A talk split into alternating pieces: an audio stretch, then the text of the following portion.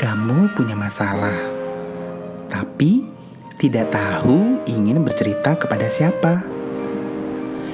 Memang sih, bercerita tidak selalu menyelesaikan masalah, tapi setidaknya dengan bercerita kamu menjadi lega.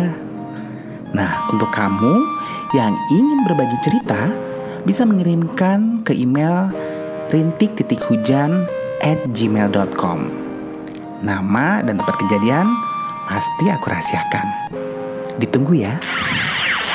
Podcast Rintik Titik Hujan dipersembahkan oleh dananwahyu.com.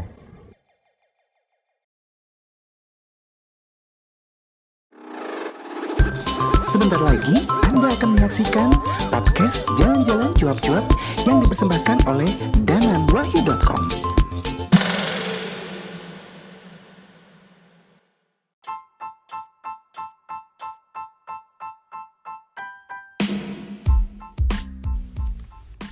Assalamualaikum warahmatullahi wabarakatuh. Selamat siang, pagi, sore, dan malam. Di mana pun kamu berada Dan ketemu lagi dengan saya Danan Di podcast Jalan-Jalan Cuap-Cuap. Hmm. Sekarang spesial banget Karena sekarang adalah tanggal 27 Oktober Dan gue juga baru sadar tadi ketika Tadi pagi gue kan datang ke satu acara gitu ya. Dan ternyata itu 27 Hari Blogger Nasional gitu.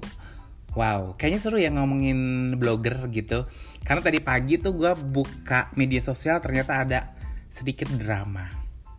Tapi gue nggak akan ngebahas drama. Yang seru sih gini, jadi kemarin itu kan di Batam nih kita kedatangan blogger papan atas Indonesia. Uh, Bapak Haris Maul ya. Jadi ceritanya uh, dia bikin event di salah satu uh, apa ya perusahaan properti lah yang ada di Indonesia gitu dan eventnya itu di Batam ngundang blogger gitu. Dan ketemu bapak ini gue jadi inget drama-drama dulu pas zaman lomba. Jadi dulu tuh ada zaman lomba blog yang akhirnya uh, apa ya jadi gue tuh kayak open minded gitu. Jadi kalau gue sih dulu gue pikir tuh lomba blog itu ya udah lomba blog gitu ya. Lomba nulis yang paling bagus. Tapi ternyata nggak. Jadi banyak pertimbangan-pertimbangan lah untuk memenangkan sebuah blog. Apalagi makin ke sini, makin belakangan ini, lomba blog itu bukan lomba nulis, tapi lebih kompleks lagi.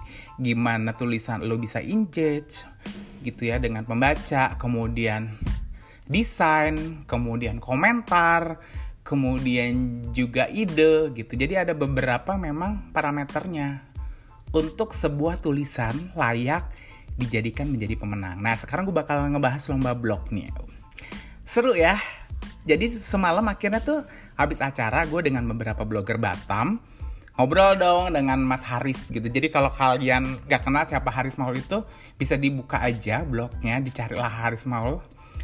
Uh, dia itu salah satu blogger yang gue bilang legend kali ya. Karena dia sering banget dulu menang lomba, sering banget menang lomba sampai dia akhirnya bikin buku tips untuk memenangkan lomba gitu dan sempat sih dia ditanya sama si penerbit lo nggak takut gitu kalau ngebocoran tips ini nanti bakal nyontek terus nggak jadi menang lagi gitu. Tapi sih dia bilang sih ketika lo berniat untuk sharing dan tujuan lo adalah next level gitu. Jadi tujuan lo nggak akan menang sampai batas sampai menang terus. Tapi ketika lo membagikan ini maka lo akan menjadi juri gitu. Dan ya istilahnya stepnya naik gitu. Dan ini tuh jadi kayak goalnya dia dan akhirnya sih sekarang berhasil ya. Sempat dia jadi full time blogger gitu.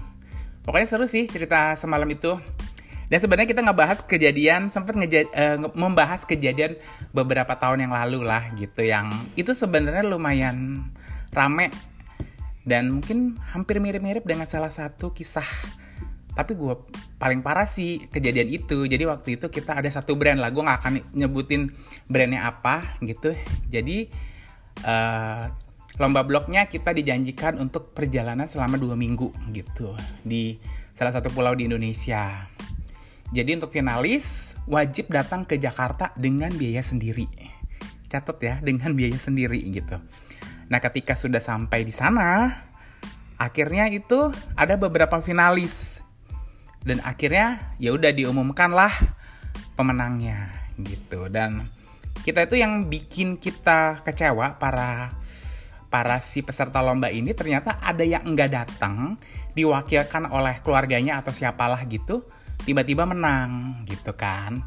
Tadinya kita nggak ngeh gitu ternyata begitu disebut namanya oh oke okay, mungkin yang lain ya gitu namanya sama. Tapi ternyata setelah berapa hari jadi ketahuan gitu rame dong dunia perblogeran tanah air gitu dan akhirnya muncullah nyinyiran-nyinyiran gitu akhirnya semalam sih Mas Haris tuh mengkonfirmasi gitu. Jadi sebenarnya gue juga tahu. Jadi kalau beberapa lomba blog tuh kayak gini. Jadi memang ada undangan dan memang ada uh, jatah buat peserta lomba gitu. Nah salahnya beberapa agensi atau beberapa penyelenggara lomba itu nggak bilang gitu. Jadi umpamanya nih jatahnya dapatnya eh, yang dilombakan akan dimenangkan oleh 10 blogger gitu Padahal kenyataannya 5 itu adalah undangan gitu yang emang udah di set dari awal akan menang dan menjadi bagian dari undangan dan lima ini memang yang kemenangan itu tadi. Nah ini kejadiannya kayak gitu, gitu. Jadinya pasti dong menimbulkan kesalahpahaman dan kenyinyiran masa blogger. gue inget sih gitu. Kan itu jadinya semenjak itu tuh gue jadi agak kayak insecure ya, jujur ya. Gue akhirnya gue memilih beberapa agensi yang gue bisa percaya. Terus juga beberapa juri. Sorry banget gitu. Karena ini juga kejadian. Indikasinya ada lah gitu. Ada mungkin kalian pernah tau lah kasus tom yam atau kasus nasi goreng gitu ya. Tiba-tiba ada lomba menuliskan makanan tradisional. Kok kompak nih? Jadi yang terlihat jadi gini jadi kalau yang yang gue bilang tadi yang 10 gitu tulisannya yang lima ini nggak ada effort gitu. Dan tulisannya kompak nasi goreng semua. Yang lain effortnya bagus tulisan. Tiba-tiba menang gitu. Dan itu ya ya sudah gitu. Tapi memang tidak pernah diakui. Tapi indikasi itu selalu ada sih gue tahu lah gitu. Jadi terlihat memang ada orang jadi kan memang mungkin ada jadi ngomong seleb blog seleb eh, seleb nih yang diundang ya. Mereka kan memang effortnya adalah mempublish uh, event tersebut gitu. Jadi mungkin bayarannya adalah mereka diajak gitu. Tetapi ini tanda jujur. Makanya belakangan sih uh, beberapa agensi itu lebih fair. Jadinya uh, ya udah ini undangannya adalah si A B C D yang nanti bakal jadi pemenangnya jatahnya lima orang gitu. Gitu. Dan ini bukan dan ini beda ya dengan kasus kemarin ya. Gitu. Dan pada perkembangannya memang lomba blog ini nggak cuma sekedar lomba nulis sih gitu. Jadi gue sih kita ngobrol-ngobrol lah semalam gitu dengan beberapa blogger gitu. Dan akhirnya pagi ini tadi bikin kul WA Mas Haris dengan anak-anak blogger Kepri. Aduh maaf gue nggak bisa ikut gabung cie karena aku ada kegiatan ya pagi ini. Nah jadi ngomongin lomba-lomba itu uh, banyak lah yang bertanya gitu nanya dengan si Mas Haris, eh gimana sih uh, biar bisa sering menang lomba? Jadi ngobrol-ngobrol semalam tuh akhirnya tuh ini nih di share ke teman-teman blogger nih. Nah ya bentar ya gue cari contekannya, gue bakal baca ini buat kalian semua.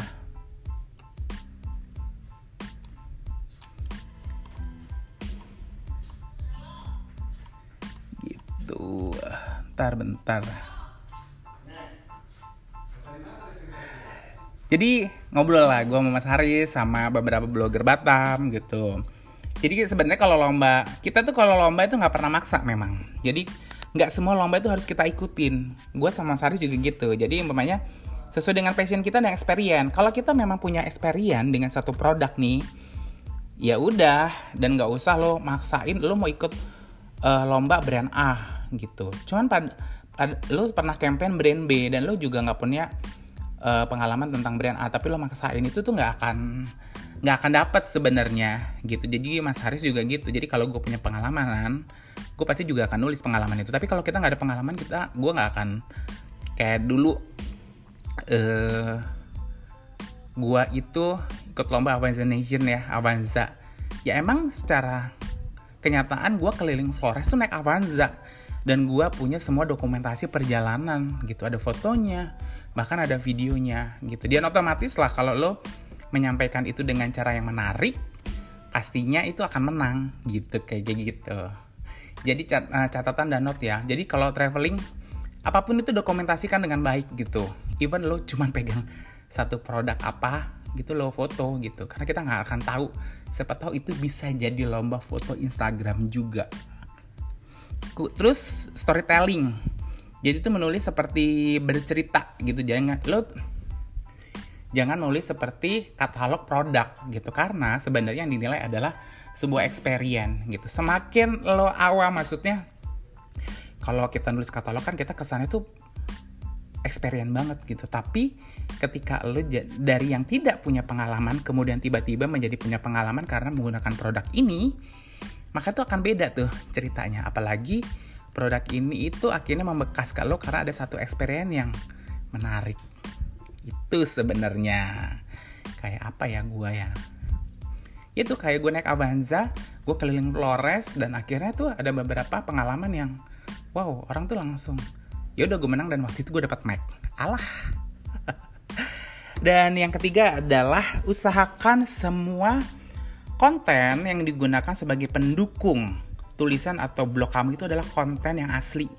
Kayak foto kemudian kayak di uh, apa namanya grafisnya kemudian kayak videonya infografis ya semuanya itu harus kalau bisa milik kamu dan buatan kamu. Karena originalitas itu sangat dinilai dan diperhitungkan dalam lomba Jangan lupa nih juga ditulis judul fotonya dan sebagainya dilengkapin karena itu yang akan membantu kamu di masuk di Google Search Image.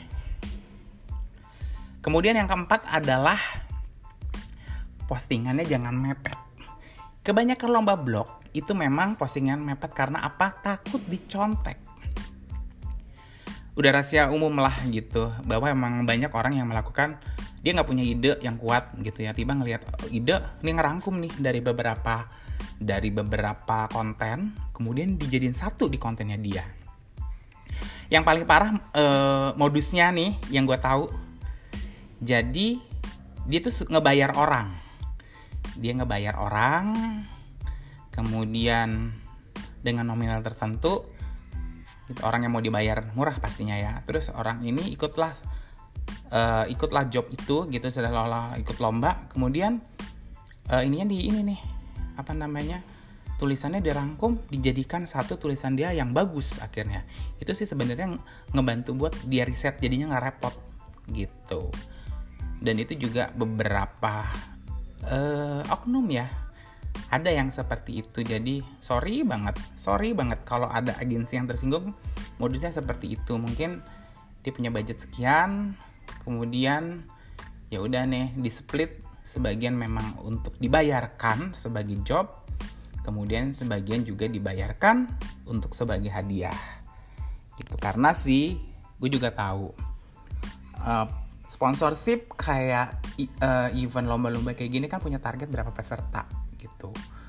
Kalau hadiahnya juga nggak gede-gede amat peserta itu juga nggak banyak kalau nggak pakai promosi juga pesertanya nggak banyak. Dan sekarang juga milih para blogger ini. Kalau dilihat kira-kira ini kayaknya agensinya atau jurinya uh, agak-agak meragukan nih. Itu nggak akan ikut gitu. Atau mungkin saking banyak kalau mbak blog gitu. Jadi nggak banyak eh, nggak uh, banyak yang ikutan. Itu ceritanya jadi sih kalau gue bilang tuh jangan pernah takut buat gue pribadi sih nggak pernah takut sih untuk dicontek gitu. Karena kalau gue juga nulis biasanya uh, idenya original gitu pengalaman pribadi.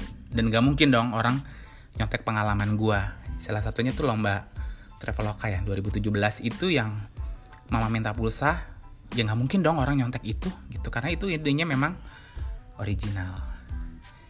Gitu ceritanya udah pasti ya kalau lomba-lomba gitu di share di semua media sosial agregator. Agregator ini sebenarnya dulu sih it's work gitu tapi sekarang tuh gue nggak terlalu suka. Karena kadang link kita yang di agregator itu uh, kalah ngalahin yang tulisan aslinya kita di Google. Jadi aku gue sih nggak terlalu suka yang gitu-gitu. Itu ceritanya.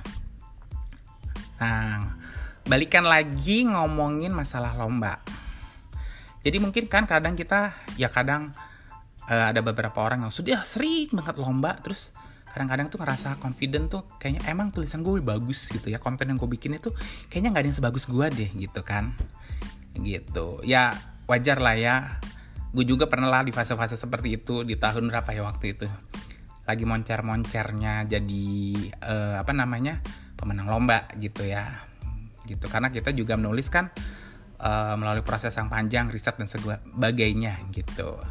Tapi sebenarnya itu bukan menjamin lo menjadi seorang pemenang gitu. Karena terkadang uh, apalagi kalau hadiahnya jalan kemudian lo harus membawakan satu produk. Jadi itu apakah lo sesuai dengan produk yang ingin dibangun atau personal branding itu sesuai gitu. Jadi ya mungkin lah ya. Jadi lo yang mungkin biasanya uh, sorry banget nih. Twitternya lo atau medsosnya lo itu nyinyir gitu ya. Nah itu sometimes tuh bikin beberapa juri juga mungkin agensi yang mungkin agak-agak alergi lah untuk memenangkan. Tapi ini bener loh gitu. Itu bener loh gitu dan memang sih kalau membangun personal branding diri yang kuat ya itu tadi. Ya pokoknya ngejaga yang namanya twitternya bagus media sosialnya bagus. Kayaknya bukan gue lah ya.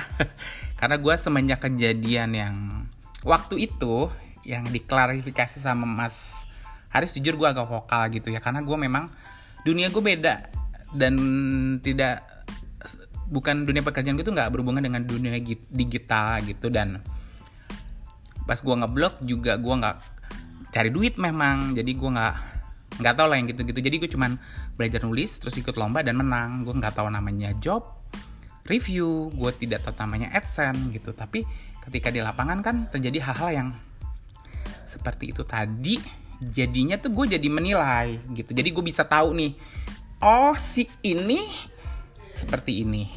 Oh si agensi ini seperti ini gitu jadi tahu jadi gitu. Jadi udah bisa dibaca. Tapi oke okay lah ya itu urusan uh, kita masing-masing dan hati nurani anda gitu ya. Karena semua yang kita lakukan pasti akan kita pertanggungjawabkan nantinya gitu. Balik lagi lomba menulis adalah eh lomba blog bukan lomba menulis yang itu tadi.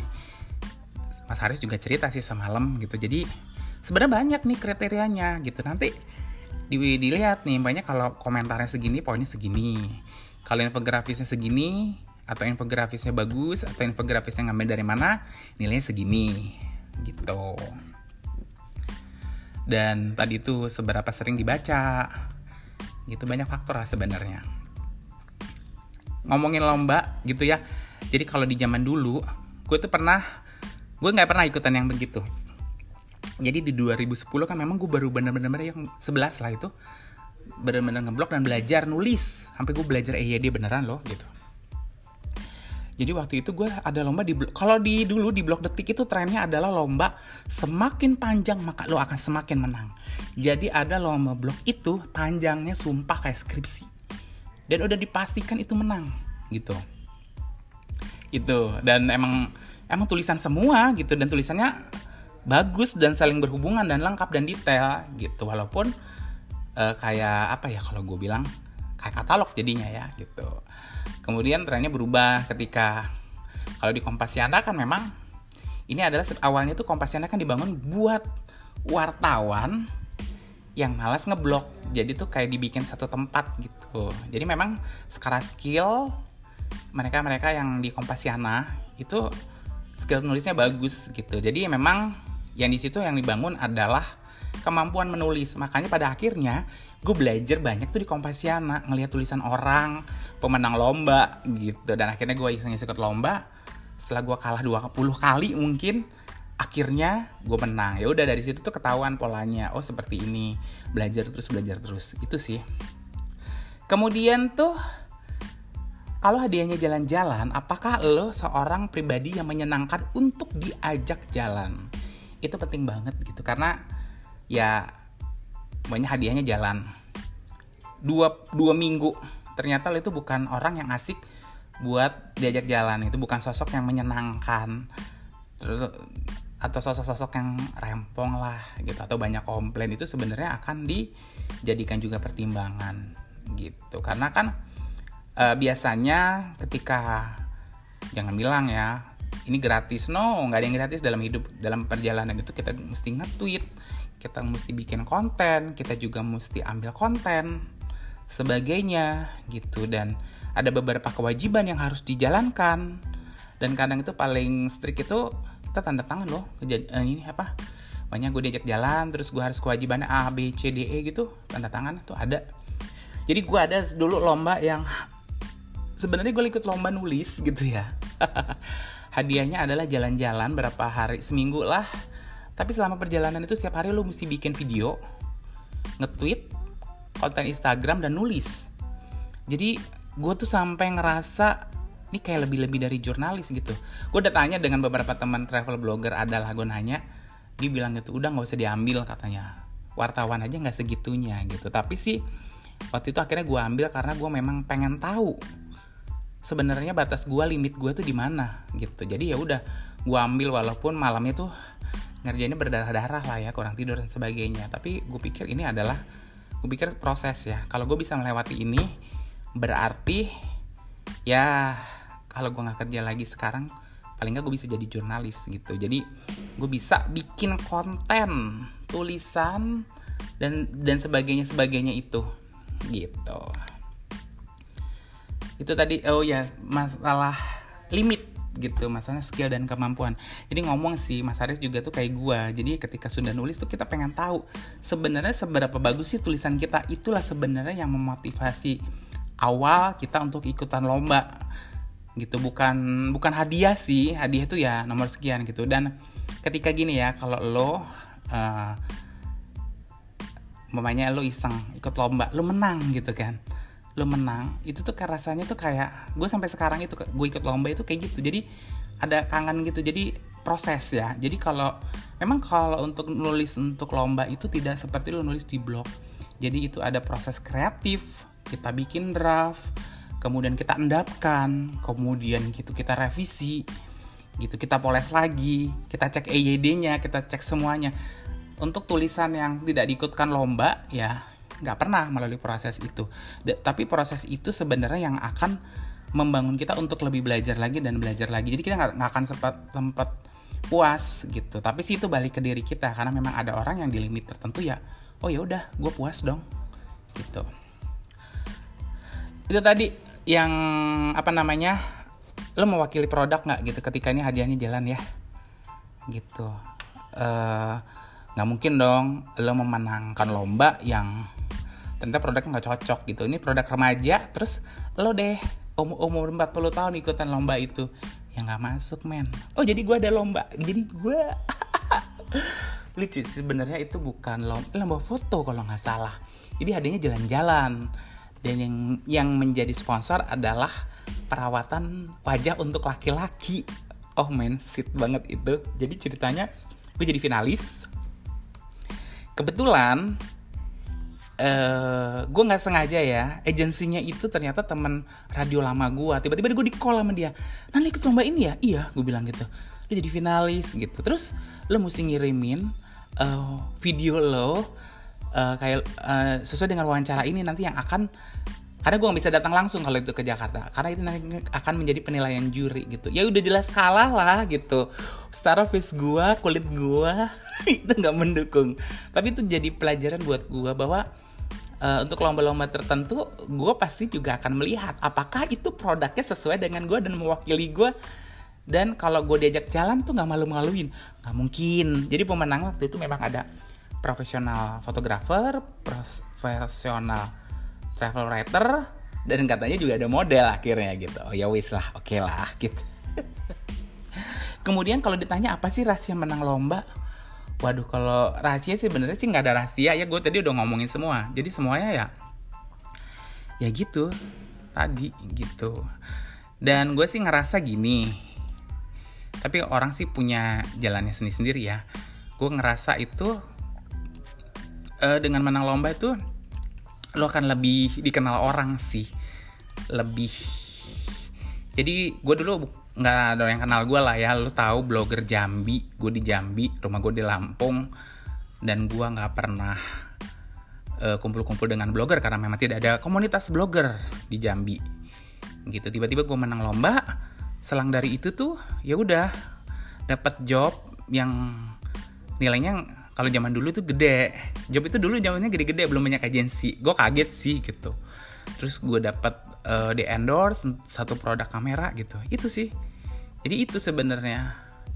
Oh ya ini juga uh, membangun network. Nah untuk bisa dikenal bahwa lo adalah pribadi yang menyenangkan lo ada pribadi yang seru gitu ya terkadang memang orang menilai lo dari media sosial. Tapi ya orang tuh mesti lo mesti berpikir lo mesti tahu aslinya lo gitu. Jadi gue dulu itu juga salah satu yang akhirnya gue menang-menang beberapa lomba. Gue datang lo modal lo gue datang sendiri ke Jakarta untuk datang ke beberapa event. Karena kan memang waktu itu gue lagi libur dan off. Gitu dong gue nggak ke mana-mana kan akhirnya gue ke Jakarta lah. Gue datang lah ke event A B C gitu ya. Akhirnya gue ketemu dengan beberapa blogger Jakarta yang uh, akhirnya juga bertemu dengan beberapa mungkin nggak tahu ya agensi kali ya gitu ya. Udah akhirnya kenal dan abis itu juga akhirnya kayaknya networkingnya job-job juga makin makin oke okay lah gitu. Itulah. Jadi membangun networking itu penting banget. Gue dulu sering ke Jakarta atau acara kompetisional yang cuma buat kumpul-kumpul doang tuh atau kaskus ya dulu gue ongkos sendiri ke Jakarta gitu. Jadi jangan berpikir oh semuanya gratis gitu. Enggak gitu. Jadi uh, ada sih memang yang harus uh, lo korbankan. Jadi memang modal ya bapak-bapak dan ibu-ibu sekalian. Gitu. Wah kayaknya ngomongnya panjang lebar nih. Dan gue sih yang meng, gue mengomentari boleh dong ya gue mengomentari kejadian yang lomba blog yang sempat rame. Baru gue nggak belum baca lengkap sih. Cuman yang gue agak surprising adalah uh, gue baca. DM-nya si ini DM-nya si salah satu peserta sama si juri yang uh, pokoknya protes lah ya gitu. Kemudian itu print screen itu nggak tahu gimana ceritanya bisa nyebar dan akhirnya diposting lah oleh blogger lain gitu. Jadi sih secara etika sorry gue bilang kalau ada ada uh, apa namanya chattingan atau percakapan yang sifatnya pribadi itu nggak harus di share share kayak gitu gitu. Gue sih nggak terlalu nyaman karena gue juga pernah kayak gitu. Jadi ya gue agak agak berkata kasar lah sebenarnya gitu ya mengomentari kasar. Karena gue juga tahu nih apa yang terjadi. Akhirnya jadi kayak bahan jualan orang lain gitu. Di print screen kemudian dibagikan lah gitu. Tapi oke okay lah gue pikir gitu. Ini jadi pelajaran juga ya gitu. Karena kan ini juga bisa jadi masuk undang-undang ITE ya nyebar-nyebarin kayak gitu. Gitu. Dan masalah lomba sih memang sih kita kalau menjadi juri tuh nggak akan bisa memuaskan banyak orang ya. Gitu dan kita juga jadi peserta juga harus gue pikir harus siap kalah ya. Apa pun bentuknya walaupun tulisan kita bagus gitu dan atau mungkin kita di, di pecundangi orang gitu ya. Jadi kita tahu banget nih tulisan gue bagus gitu. Tapi kan itu tadi gue bilang banyak faktor nih untuk menang di sebuah lomba blog gitu. Dan gue sih nggak tahu ya kalau di pecundangi bodo amat. Kalau gue sih udah gitu aja terserah deh. Itu sih nanti urusan dia sama Tuhan aja kalau gue tapi yang lucu dulu pernah. Jadi itu awal-awal gue ngeblok dan gue ikutan lomba blog jadi itu situsnya lumayan terkenal kok kayak situs bukan majalah kali ya. Majalah online lah wanita gitu. Jadi ada lomba ada beberapa pemenang. Pemenang utama sih waktu itu dapat gue juga kaget sih dapatnya uh, laptop Sony. Terus tapi pemenang keduanya ini agak jomplang dapat souvenir uh, dapat voucher apa gitu. Juara tiganya juga voucher. Terus menang lah. Ada tiga pemenang gue juara dua kalau nggak salah waktu itu. Nah terus hadiah nggak pernah datang nah akhirnya si juara satu ini ngontak gue dia bilang ke gue hadiah kalian sampai nggak? Nggak ada yang sampai. Ya udah kalau gue sih sampai di titik itu gue pasrah tapi kalau si ini kan dikejar tuh sama dia secara laptop ya gitu. Tapi akhirnya nggak dapet sih. Katanya akhirnya kalau nggak salah tuh kabarnya uh, yang bikin lomba atau agensinya atau apa gitu uh, atau mungkin sponsornya ingkar lah gitu. Ya gitulah. Jadi serba serbi lomba blog seperti itu. Dan pertanyaan gue sih sekarang kira-kira di masa depan blog akankah tetap eksis di tengah gempuran uh, media sosial yang mungkin lebih enak buat dilihat gitu ya? Eh bukan dilihat. Uh, dinikmati oleh panca indera uh, lainnya. Kayak mata kayak telinga. Nih kayak podcast ini akankah dia nantinya yang akan menggantikan blog-blog ini gitu? Karena gue pribadi ngeblog itu tuh kayak satu hobi ya. Nggak tahu sih gue kayak menjaga keseimbangan hidup gitu setelah bekerja gitu.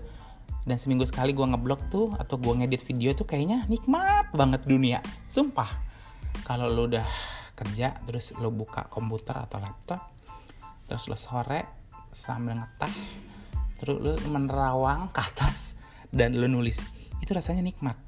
Kalau gue ya gitu. Nggak tahu deh dengan kalian ya. Nah kira-kira akankah eksis ya udah silahkan aja berkomentar di ini di mana?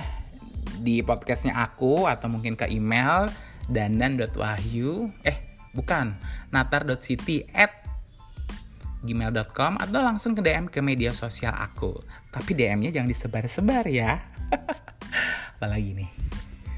Ngomongin oh iya juga ngomongin akhirnya ini kan udah nyambung blog nih semalam ngomong. Udah itu nyambung lah Mas Haris yang akhirnya memutuskan untuk menjadi karena gue pernah di satu fase gue tuh nyaris meninggalkan pekerjaan gue nyaris gitu. Karena penghasilan gue dari ikutan lomba gue kan cuma ikut lomba jadi gue nggak nggak tahu tuh namanya job review dan sebagainya. Itu itu tuh nilainya memang lebih gaji gue setiap bulan gitu. Dan gue sempet yang hmm, kayaknya bisa deh gitu. Apalagi kan belakangan tuh bisa nyambi lu jualan foto kemudian nulis di majalah gitu. Banyak lah sebenarnya kan gitu. Kalau cuma travel blogger aja sih mungkin agak berat ya gitu. Karena ada teman juga nih blogger satu tahun lah dia menjadi full time akhirnya dia dia uh, balik lagi kerja. Uh, nah Mas Haris tuh, tuh cukup lama. Jadi gue sempet nah makanya jadi dari blogger nih yang sering menang lomba kemudian full time kemudian uh, ke belakang tuh lebih kayak media sosial dan konten ya konsultan konten online gitu ya belakangan-belakangan itu gitu. Jadi terus berkembang gitu. Dan terakhir sih dia balik kerja lagi dengan lini yang eh pekerjaan dengan eh, dapat pekerjaan yang sama dengan hobinya di dunia digital gitu. Itu jadi sih buat kamu yaitu orang uh, orang punya jalan suksesnya masing-masing gitu ya.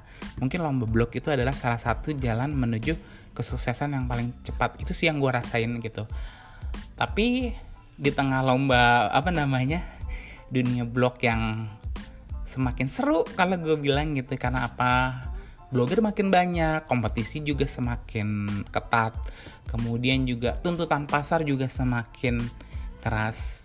Sekarang blogger tidak hanya dituntut bisa nulis bagus tapi lo harus bisa bikin infografis bagus moto yang bagus video bagus gitu. Dan itu bisa dikerjakan dengan cepat gitu. Biasanya juga itu akan berkembang karena ketika lo diundang farm trip lo nggak bisa bikin konten-konten sesuai standar-standar itu ya ya udah gitu. Berarti lo udah udah apa ya di blacklist sih enggak tapi paling enggak lo nggak nggak nggak sesuai dengan standar pasar yang ada gitu. Dan gue ngerasa itu sih gitu. Ya udah. Makanya gue sih tetap belajar lah ya. Sampai detik ini pun gue masih belajar gitu. Dan gue jujur sih menikmati semua proses-prosesnya ini. Karena ini beneran kayak refreshing loh gitu. Karena kan pekerjaan gue tidak ada hubungannya dengan pekerjaan media kemudian digital konten gue lebih ke teknikal lah gitu. Nah ketika lo mengerjakan dua hal yang berbeda terus nah seneng lagi sih kalau gue pribadi di hobi gue ya ngeblog itu gue ketemu orang-orang baru gitu yang beda dari dunia gue dan itu yang membuka wawasan sih gitu. Jadi terkadang kan gue adalah orang eksata yang sudut pandang gue sih mungkin selama ini logis logis logis logis. Gue juga dulunya tidak memiliki kemampuan berkomunikasi dengan baik tapi ketika mengenal uh, apa namanya media dan sebagainya blogger apa pun industri kreatif maka gue sadar oh ternyata gue punya sesuatu lain nih di diri gue nah gitu-gitu sih sebenarnya. Jadi wah ya itu tadi drama apa lagi? Dan masalah gue nyinyir sih jadi gue memang sudah uh, itu ya kejadian yang sama Mas Haris itu sebenarnya trigger gue gitu. Jadi gue sejak saat itu ketika ada sesuatu yang ajaib menurut mata gue nih ajaib gue akan langsung ngomong gitu. Walaupun itu nyakitin gitu. Dan gue nggak akan peduli gitu. Kalau dulu sih gue orangnya nggak gitu gitu. Nah itu sebenarnya kan sebenarnya banyak yang merubah orang ya gitu. Well guys, terima kasih udah ngedengerin gue ngebacot di podcast jalan-jalan cuap-cuap.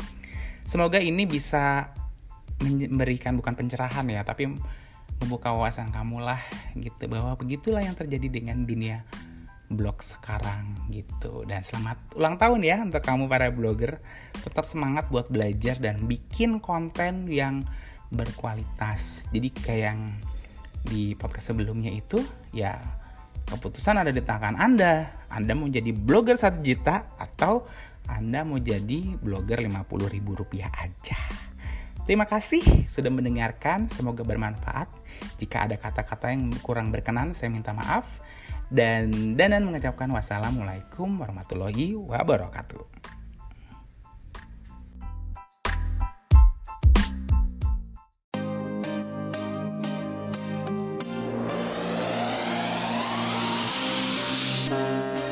Kamu punya hobi traveling, tapi nggak bisa ke mana-mana gara-gara pandemi. Ya udah, dengerin aja kisah perjalanan di podcast Jalan-Jalan Cuap-Cuap.